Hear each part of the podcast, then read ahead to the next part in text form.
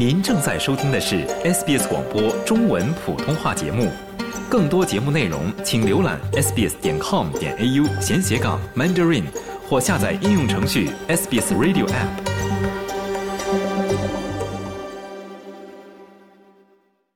从法律角度看待社会现象，以专家意见指点生活迷津。请听现场说法。现场说法，您了解法律、咨询问题的空间。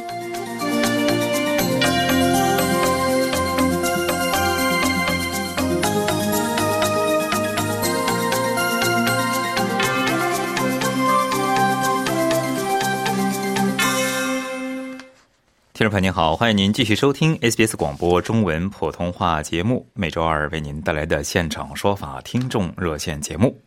我们看到近期呢，热带气旋基里利袭击了昆州，引发了强降雨等恶劣天气，并且呢，这个恶劣天气呢仍在持续，不少房屋受损。在今天的现场说法听众热线节目中呢，我们邀请奥斯罗奥和绿业管理合伙人林慧敏律师和我们聊一聊受损房屋理赔和维修的话题。非常欢迎听众朋友们拨打热线电话一三零零七九九三二三一三零零七九九三二三参与节目咨询法律问题。我们看到现在连线的我们的律师嘉宾呢有点问题，我们尝试再连线一次哈。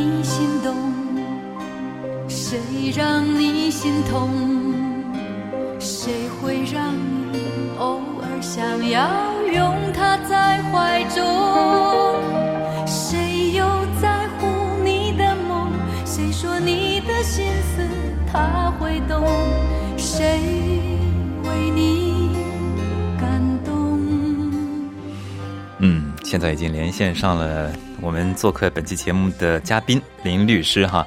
听众朋友，热线电话依然是一三零零七九九三二三一三零零七九九三二三，非常欢迎您继续拨打来咨询法律问题。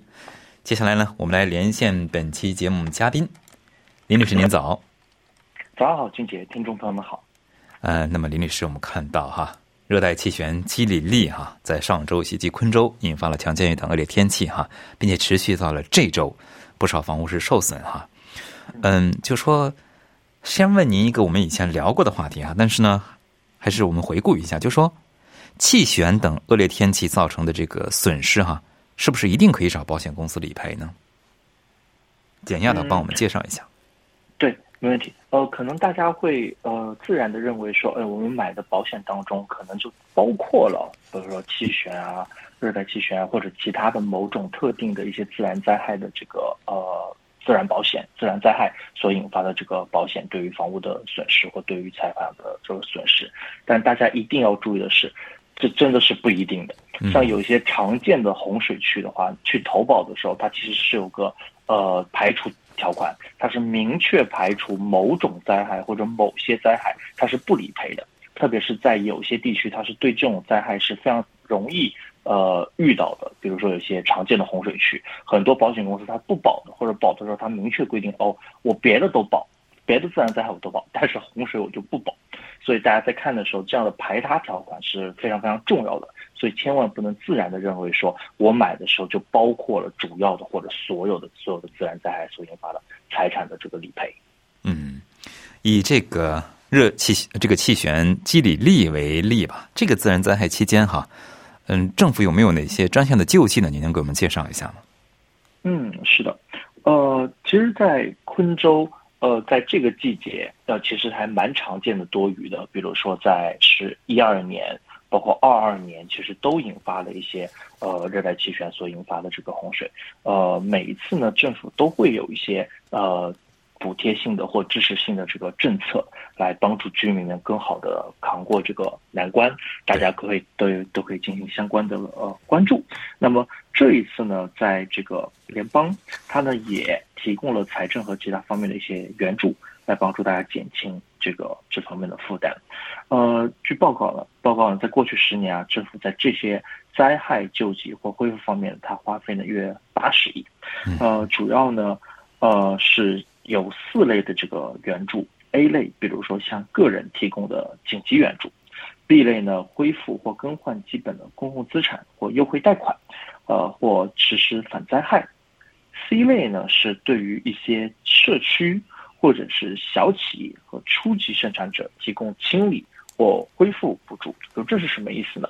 假设我们在的企业或者仓库在有些呃呃呃气泉区或者是洪水区，假设洪水倒灌进来了，那这时候呢，你可能要需要花费大量的这个资金或者是金钱、人力去清理。那这时候呢，可以关注是否自己适格去申请一些呃补助，来帮助自己减少这方面的压力。这是 C 类，D 类呢，包括一些特殊情况的一些补助。那这里要注意的是，呃，尽管呢，政府可能会通过向有需要的个人去报销啊、赠款给予一些援助，嗯，但作为一项联邦的报销呢，这个通常是不会为人们，呃，不是不会为人们重建或修理房屋提供足够的帮助的。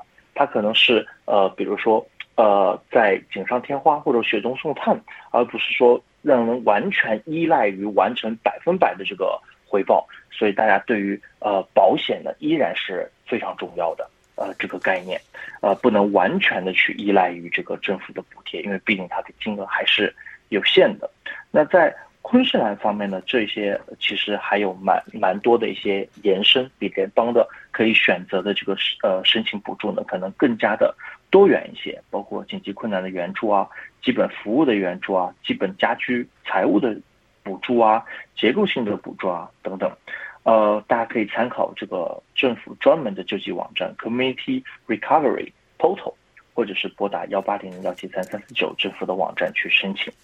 那么这里呃，关于这个这一次的基里利热带气旋呢，也是有专门的这个呃专项补助的，也是可以通过我们刚才讲的这个呃联系方式跟政府的网站得到相关的资讯，呃来。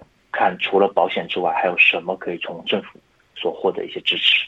其实政府的支持还是有限的哈，重点还是有这个保险来涵盖主要的部分，对吧？嗯，是的。嗯，非常感谢林慧明律师给我们的分享和介绍啊！听众朋友，您正在收听的是《现场说法》听众热线节目。刚才呢，林律师和我们聊了聊，在昆士兰州受基里利这个热带气旋影响，这个房屋受损的业主们哈，在房屋理赔和维修方面。可以申请的一些补助以及这个保险理赔方面的一些注意事项哈。热线电话依然是一三零零七九九三二三一三零零七九九三二三，非常欢迎您继续拨打来参与节目咨询法律问题。接下来我们来接听听众电话，这位是李先生，李先生您好。啊，你好。哎，您请讲，李先生。呃，林律师和主持人你好。你好。呃，我的问题就是。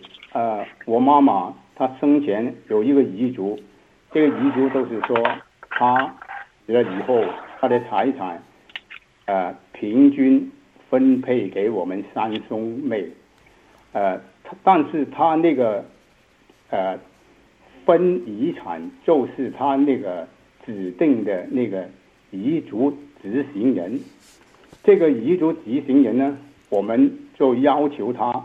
把我妈妈的财产告诉我们，然后告诉我们我妈妈究竟用了多少钱，剩下多少钱。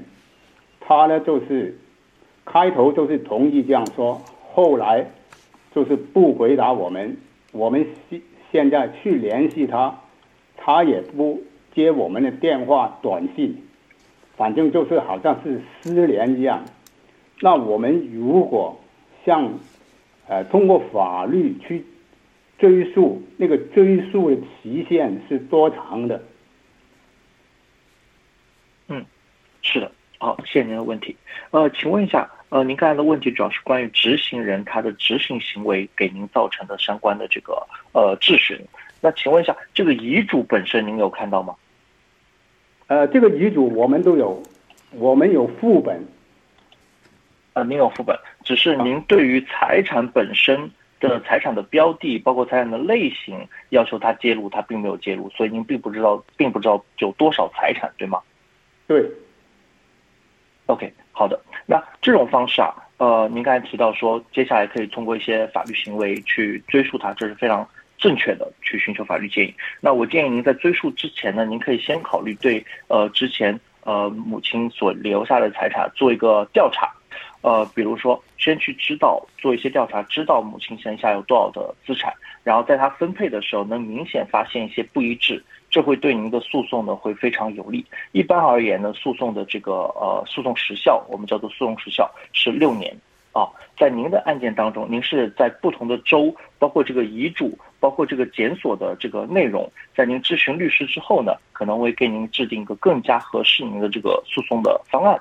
但以上的信息呢，您可以先参考，先做一些检索。来证明它是有分配上的不一致，或者是有明显的这个切入点的，然后再结合诉讼时效来开展相关的诉讼行为。呃，我想问一下，比方说，我要求律师给我们分配这个财产，因为律师他有权查到我妈妈银行究竟有多少钱，同时，如果我请律师，肯定要呃要给律师钱的嘛。我可不可以用我妈妈的财产来作为呃给律师的钱？好，谢谢您的问题。那您的第一个问题是直接查银行的账户，呃，律师单方面没有法院的这个判令的情况下，银行是不会揭露的。呃，只有被只有那个执行人、财产执行人他会看到，所以这种情况下，律师可能得先向法庭去申请这个呃相关的这个法令。但是对于不动产的话，是可以检索到，这是一个相对公开的信息。这是您的第一个问题。您的第二个问题是关于说能否直接用这个呃母亲的这个存款来进行作为律师费的这个支付，这方面的话也是需要向法庭申请的，因为这个等于说是改变了这个遗嘱当中的一部分，因为原本的遗嘱当中可能没有说将呃这个继承人的遗呃资产里面的一部分用来支付律师费这样的选项，啊，那可能都需要通过法律行为。啊，那谢谢你。好嘞，谢谢李先生咨询，祝您顺利。欢迎继续收听 SBS 广播中文普通话节目为您带来的现场说法听众热线节目。做客今天节目的嘉宾呢是奥斯劳奥和绿叶管理合伙人林慧梅律师。非常欢迎听众朋友继续拨打热线电话一三零零七九九三二三一三零零七九九三二三参与节目咨询法律问题。接下来我们继续接听听众电话，这位是张先生，张先生您好。喂，张先生，您可以听到我说话吗？嗯，你好。哎，您好，您先讲。你好，我有两个问题，但很快。第一个问题是我有个朋友，他说要租房，然后把钱打在别人打打别人账号上，之后呢，那个人他就不租给他，然后他想要求他退退钱，但那个人他就不退。然后现在我建议他是去那个 ACAT，还有那个去警察局报案，然后去 Commonwealth 把那个 case number 给那个 Commonwealth。然后去警察局报案，再去 ACAT lodge case，就还有其他东西可以做吗？嗯，好的。呃，您刚才有几个方式，第一个警方，第一个找 ATA，您是在 ACT 是吗？对，ACAT，对 ACT。OK，好，您再看到好。呃，这是第一种。然后第第二，你刚才提到像那个银行，银行的话，如果超过一定的天数呢，他们可能也是无法追回。嗯。呃，警方的话，他可能会受理，可能不会受理。如果是合同纠纷的话，他就不一定会受理了。嗯，不是合同，让。呃，如如果是如果是包括口头，如果是进入了一个口头的或者是实质上的口头行为，但是发生了纠纷，呃，那他们可能就不会受理。如果是一个典型的一个类似于诈骗或者误导所引发出的呃财产侵占。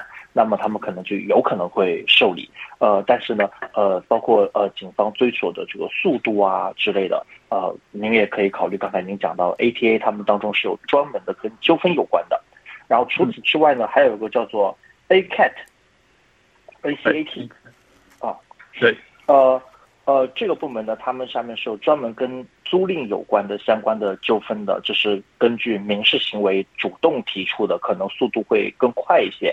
您只需要缴纳一个呃非常呃低的一个呃法庭的一个费用，就可以启动这个程序了。然后它最终的判决是有执行力的，也就是说，对方如果不执行的话，法呃法院会有专门的强制执行部门去介入的，所以可能会相对有利一些，成本也低一些。OK，所以他不需要担心，我就跟他说让他去 launch 一个 ACAT 的那个 case 就可以了，是吧？对，只是需要一些时间和一些文书。OK，明白，行。然后第二个问题就是那个 Strata 问题，就是假设就是 Strata 它乱 build 那个 fin，就是我看到它那个 monthly financial financial report，它上面有把那个就是 builder 的值得的钱把它 build 到了那个 Strata 上面。然后有没有什么部门是可以监管 Strata 的呢？除了那个就是 EC。呃，一方面也是 ACT，它里面有专门跟，比如说 body corporate 产生纠纷的话，原则上也可以在那个部门去进行这个呃法律行为的一个纠纷解决。啊，如果这个金额过大的话，那也可以考虑向上级法院提出相关的这个诉讼。那此外呢，还是有一些部门它是专门监管呃不协会啊，协会它是专门监管相关的 body corporate，在不同的州可能会有不同的协会。呃，协会跟部门有些不一样的是，呃，不，呃，协会呢也是可以对这些不同的 strata 或 body corporate 有些内部的一些这个呃监督啊的一些职责的，也是可以切入的。嗯，那那个协会的名字大概叫什么呢？我就是你可以跟我说一下，比如说你是如果是新州的话叫什么，或者是墨本？对，如果您搜几个关键词啊，比如说 body corporate 或 strata 加上你所在的州，再加 association，这样去检索一下。哦，在在那个堪培拉，我还确实无法一下子回答您那个协会的名字，抱歉。没没问题，谢谢你。嗯，好，哎，没问题，谢谢张先生。谢谢张先生咨询啊，祝您顺利。嗯，像林律师刚才您提到的这个，就是说，呃，像协会，比方说去投诉这个 Strata 管理公司，它这个管理不善或者是账目不对哈，呃，像协会一般会有哪些举动呢？如果我是一个这个 Strata 管理公司的这个管理人的话。呃，协会呢，往往有时候可能会比这个呃部门对于这个某一个职业机构或者某一个职业者有更直接的一些决定，因为这个个人或这个机机构呢是受这个协会所管辖的，它是要颁发这个比如说一些会员证书啊之类的，呃，类似于有些专业人士，呃，的会计啊、律师啊、医生啊，呃，这个等等。那么在这种情况下，协会可以考虑说，比如说罚款、训诫，呃，公开训诫。还有这个呃，再培训，要求他再进行某种培训，甚至是停牌啊，或者是呃，对于可以停他的牌是吗？他就不能嗯执执这个呃这个不能在职业在一定的期限之内，或者是执执照的这个资资格的 level 的降低之类的啊，都是他的效力其实其实可能更大一些是吧？我感觉是不是？呃，他可以做出这样的决定之后呢，那当然。呃，收到这样决定的这个职业者或者职业机构可能会对这样的决定不服，那他也可以提出 review 或者上诉。呃，这是他呃被收到训诫的这方的人的一个权利了。但是关于这个相关的协会呢，它完全是有这几种选择可以做出来，对于他的会员做出一个决定。就说不论是我在哪个州或者领地哈，就是搜这个叫 Body Corporate Association 是吧？呃，对，类似的可以找到这个某不同的行业，它在不同的州所管辖的参与活动的协会。非常谢谢林律师的介绍。接下来我们接听下面一位听众电话，这是另外一位张先生。张先生您好。呃，早晨，大家好。哎，您好，您请讲。啊，有个人呢，常常破坏我的车子，甚至我怕我的车在外面很远。他也是到外到那边去弄我的车子，我就在 housing 的，我可以啊，在没有证据的时候，在 housing complain 他，那么微微受到他说诽谤这个问题呢？啊，好的，呃，另一方呃，您刚才讲到一方面就是相关基本证据的这个收集啊。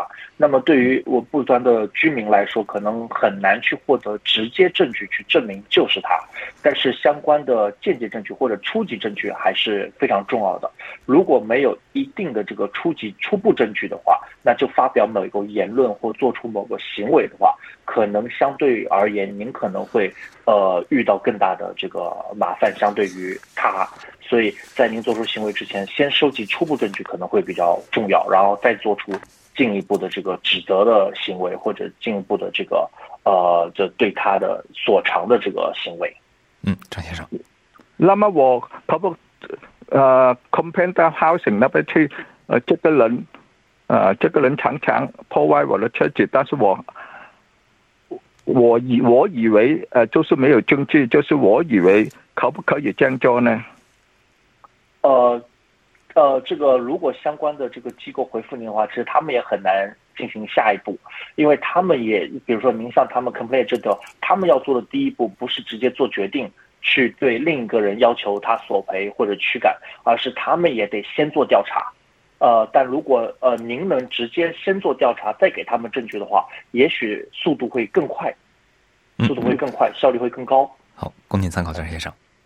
好好好好，谢谢您，祝您顺利。听众朋友您好，欢迎您继续收听现场说法听众热线节目，非常欢迎您继续拨打热线电话一三零零七九九三二三一三零零七九九三二三，向做客我们直播间的嘉宾林慧敏律师现场咨询法律问题。接下来我们继续接听听众电话，看一这位是吴先生是吗？吴先生您好，呃，你好，是我吗？哎，是您，您请讲。啊，好，大家好。你好。嗯，我有两个问题啊。呃，第一呢，在澳洲的关于婚姻的这个法律体系当中呢，有没有婚前财产和婚后财产的法律规定？比如说像国内有婚前财产公证这样的类似的规定。嗯，李律师。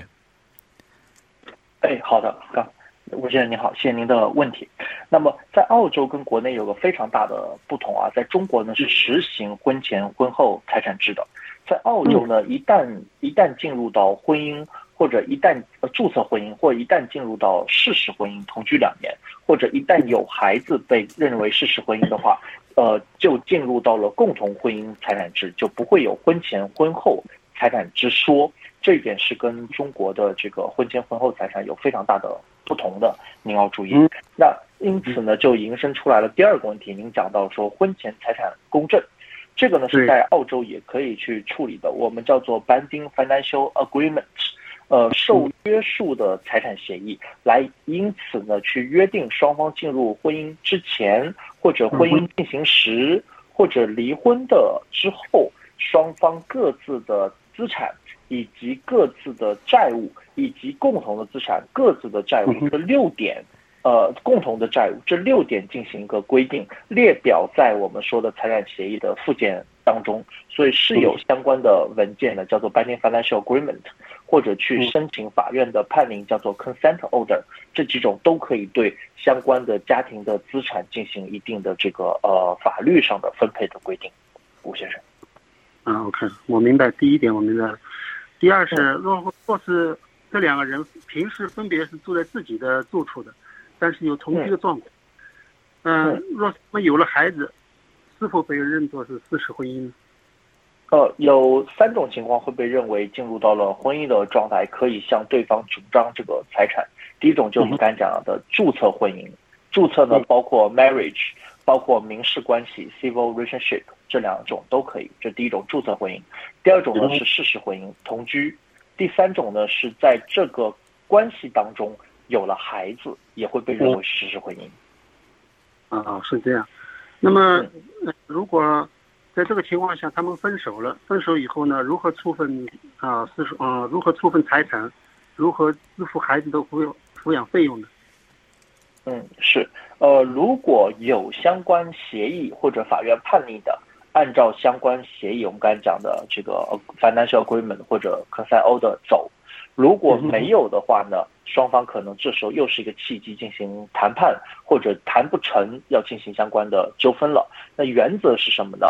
原则呢，按照贡献原则和公平需求原则，呃，贡献原则是说，在这段关系当中，谁做出的经济贡献和非经济贡献更多，所以有可能在双方分手的时候所得到的资产分配会更多一些。举个例子，比如说先生还贷款还的非常多，呃，举个例子，先生在还贷款同时呢，这个先生做家务照顾女方。又照顾的非经济贡献又特别多，那这样子的话，原则上他获得的分配就会越多。但是同时也会考虑第二个元素，叫做公平需要的元素。比如说女方她可能有一定的再就业能力比较低，女方她要自己去带孩子，因为孩子太小了，太依赖母亲了，或者女方有一定的这个身体的疾病等等。这种限制都会使得女方有可能也会多分配一些，因为在公平的原则下面，她的需求可能会更大一些，所以这两个原则是常见的原则需要去考量的。啊，好的，谢谢。那么还有一个时候问一下，就是要是有了孩子呢，分手了，如何支付这个抚养费用？支付到多多久？哦，是对，还有您这个问题，呃，这个抚养费呢，原则上是要呃付到十八岁的，因为对于抚养到成年十八岁，这是一个法定的义务。呃，所以一定要支付。对，那呃，当然包括有时候经济能力强一些，经济能力弱一些。一方面政府有补助，另一方面只要他是正常的行驶、正常的在市场上工作的话，他都需要去支付 child support。那可能一周呢是大概一百到两百多，这是一个政府的一个标准，一周一百到两百多。那有些人呢可能会在支付上面呢比较抗拒，那这种情况下呢，另一方可以要求他的工作单位直接在他工资里面扣掉，直接支付给这个另一方作为 child support，而不需要打到一方的工资里面，就由这方再工作了，可以从工作单位直接支付。嗯，吴先生。嗯，好的，谢谢，供您参考，祝您顺利。听众朋友，热线电话依然是一三零零七九九三二三一三零零七九九三二三，您可以拨打来向我们做客节目现场的嘉宾咨询法律问题。接下来这位听众是甄先生，甄先生您好。哎，你好，你好。哎，您好，您请讲。我想请问一下，对付一个三多次对我进行生命威胁，呃，打我要打三次，呃，多次勒索，敲诈勒索。这样又最近又不交房租，这样的从中国临时过来的人，我该怎么采取措施？我可不可以？因为我本身的不包他的冰箱的，但是我太仁慈了，太善良的给了冰箱用，可不可以首先停掉冰箱？呃，作为一种警告，你这第一个，另外再你看我进一步是。是报警了还是怎么处理呢？嗯，好的，谢谢先生您的问题。在这种情况下，其实您直接应该要选择就是报警，呃，没有让他再进行说呃用冰箱或者居住相关的这个考量，因为他已经对您的人生有过您刚才讲过三次的伤害，包括他有些敲诈勒索的行为。那在第一次发生的时候，您就可以选择报警了。那如果直接构成刑事犯罪的，警方可能会直接把他带走，所以您不需要再去考量说关于冰箱或者居住或者在一个屋檐下在一起相处的这个行为，因为他有可能已经触犯了澳洲的这个法律，对您的人身造成了伤害。所以，仅仅您不需要等到第四次的发生，就在今天这个电话之后，这个危险依然存在，依然让您担心他还在您身边。他就在楼上。同一个房子，这样的这样的危险依然存在的话，您就应该马上报警。对，哦，嗯，好，对，这是一个危险正在发生时的情况。供您参考，郑先生。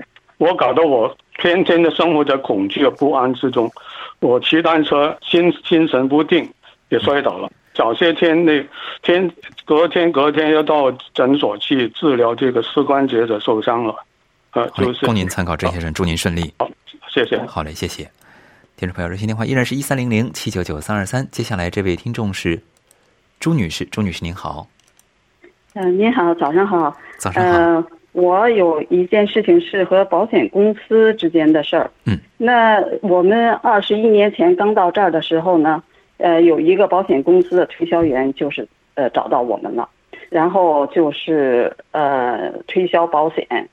然后呢？当时说的很好，就说这个只是相当于一种，啊啊，一种 save money，就是把那个每月我们就是要把这个钱打到他们的账户里，然后二十一年的时候我们会得到一笔钱。那么呢，现在呢就是呃去年二十一年了，然后我们拿到钱才发现我们损失很多，是好几万块钱的损失。那么没有像他所说的，但是现在这个人呢，我们又联系不到了，因为他不干这个了，啊，这个工作就是交给了另一个叫 advisor。那么呢，我们就跟那个 advisor 就提了这个问题，他就说我不知道你们当初是他怎么跟你说的，然后呢，我也，就是我只是给你们一些 advisor，我们没有办法就说做更多的。那么现在我的问题就是说，如果发生这种事情。我还有什么办法？就是把我的损失就是能减到最小。我想就说，由于时间关系哈，我们请律师给我们简要的介绍一下。哎，好的，没问题。呃，我想您的第一个步骤呢，就是搜证，把二十一年前看他跟您说过的或者写过的、通讯过的相关的呃关于这个保险产品给予回报时的这个描述是否还在，呃，以及在合同当中是否能。反映这些描述，如果有一部分的话，这会对您接下来的索赔非常有利；如果没有的话呢，那可能只没有这些物证的话，那可能只能依赖于您的回忆、您自己的这个陈述了，可能会比较吃力。在搜证过去之后呢，然后再进行纠纷解决和沟通，包括一些协会上的一些呃这个介入的这个调解，可能会有相关的帮助。非常谢谢林律师的介绍，供您参考。祝女士祝您顺利。因个人情况因人而异，法律问题复杂，本节目呢仅供一般性参考，并无意提供任何个案法律建议。具体法律纠纷，请您咨询专业的律师。了解澳洲，融入澳洲，欢迎登录 sbs 点 com 点 au 前斜杠 language 前斜杠 mandarin，获取更多澳大利亚新闻和资讯。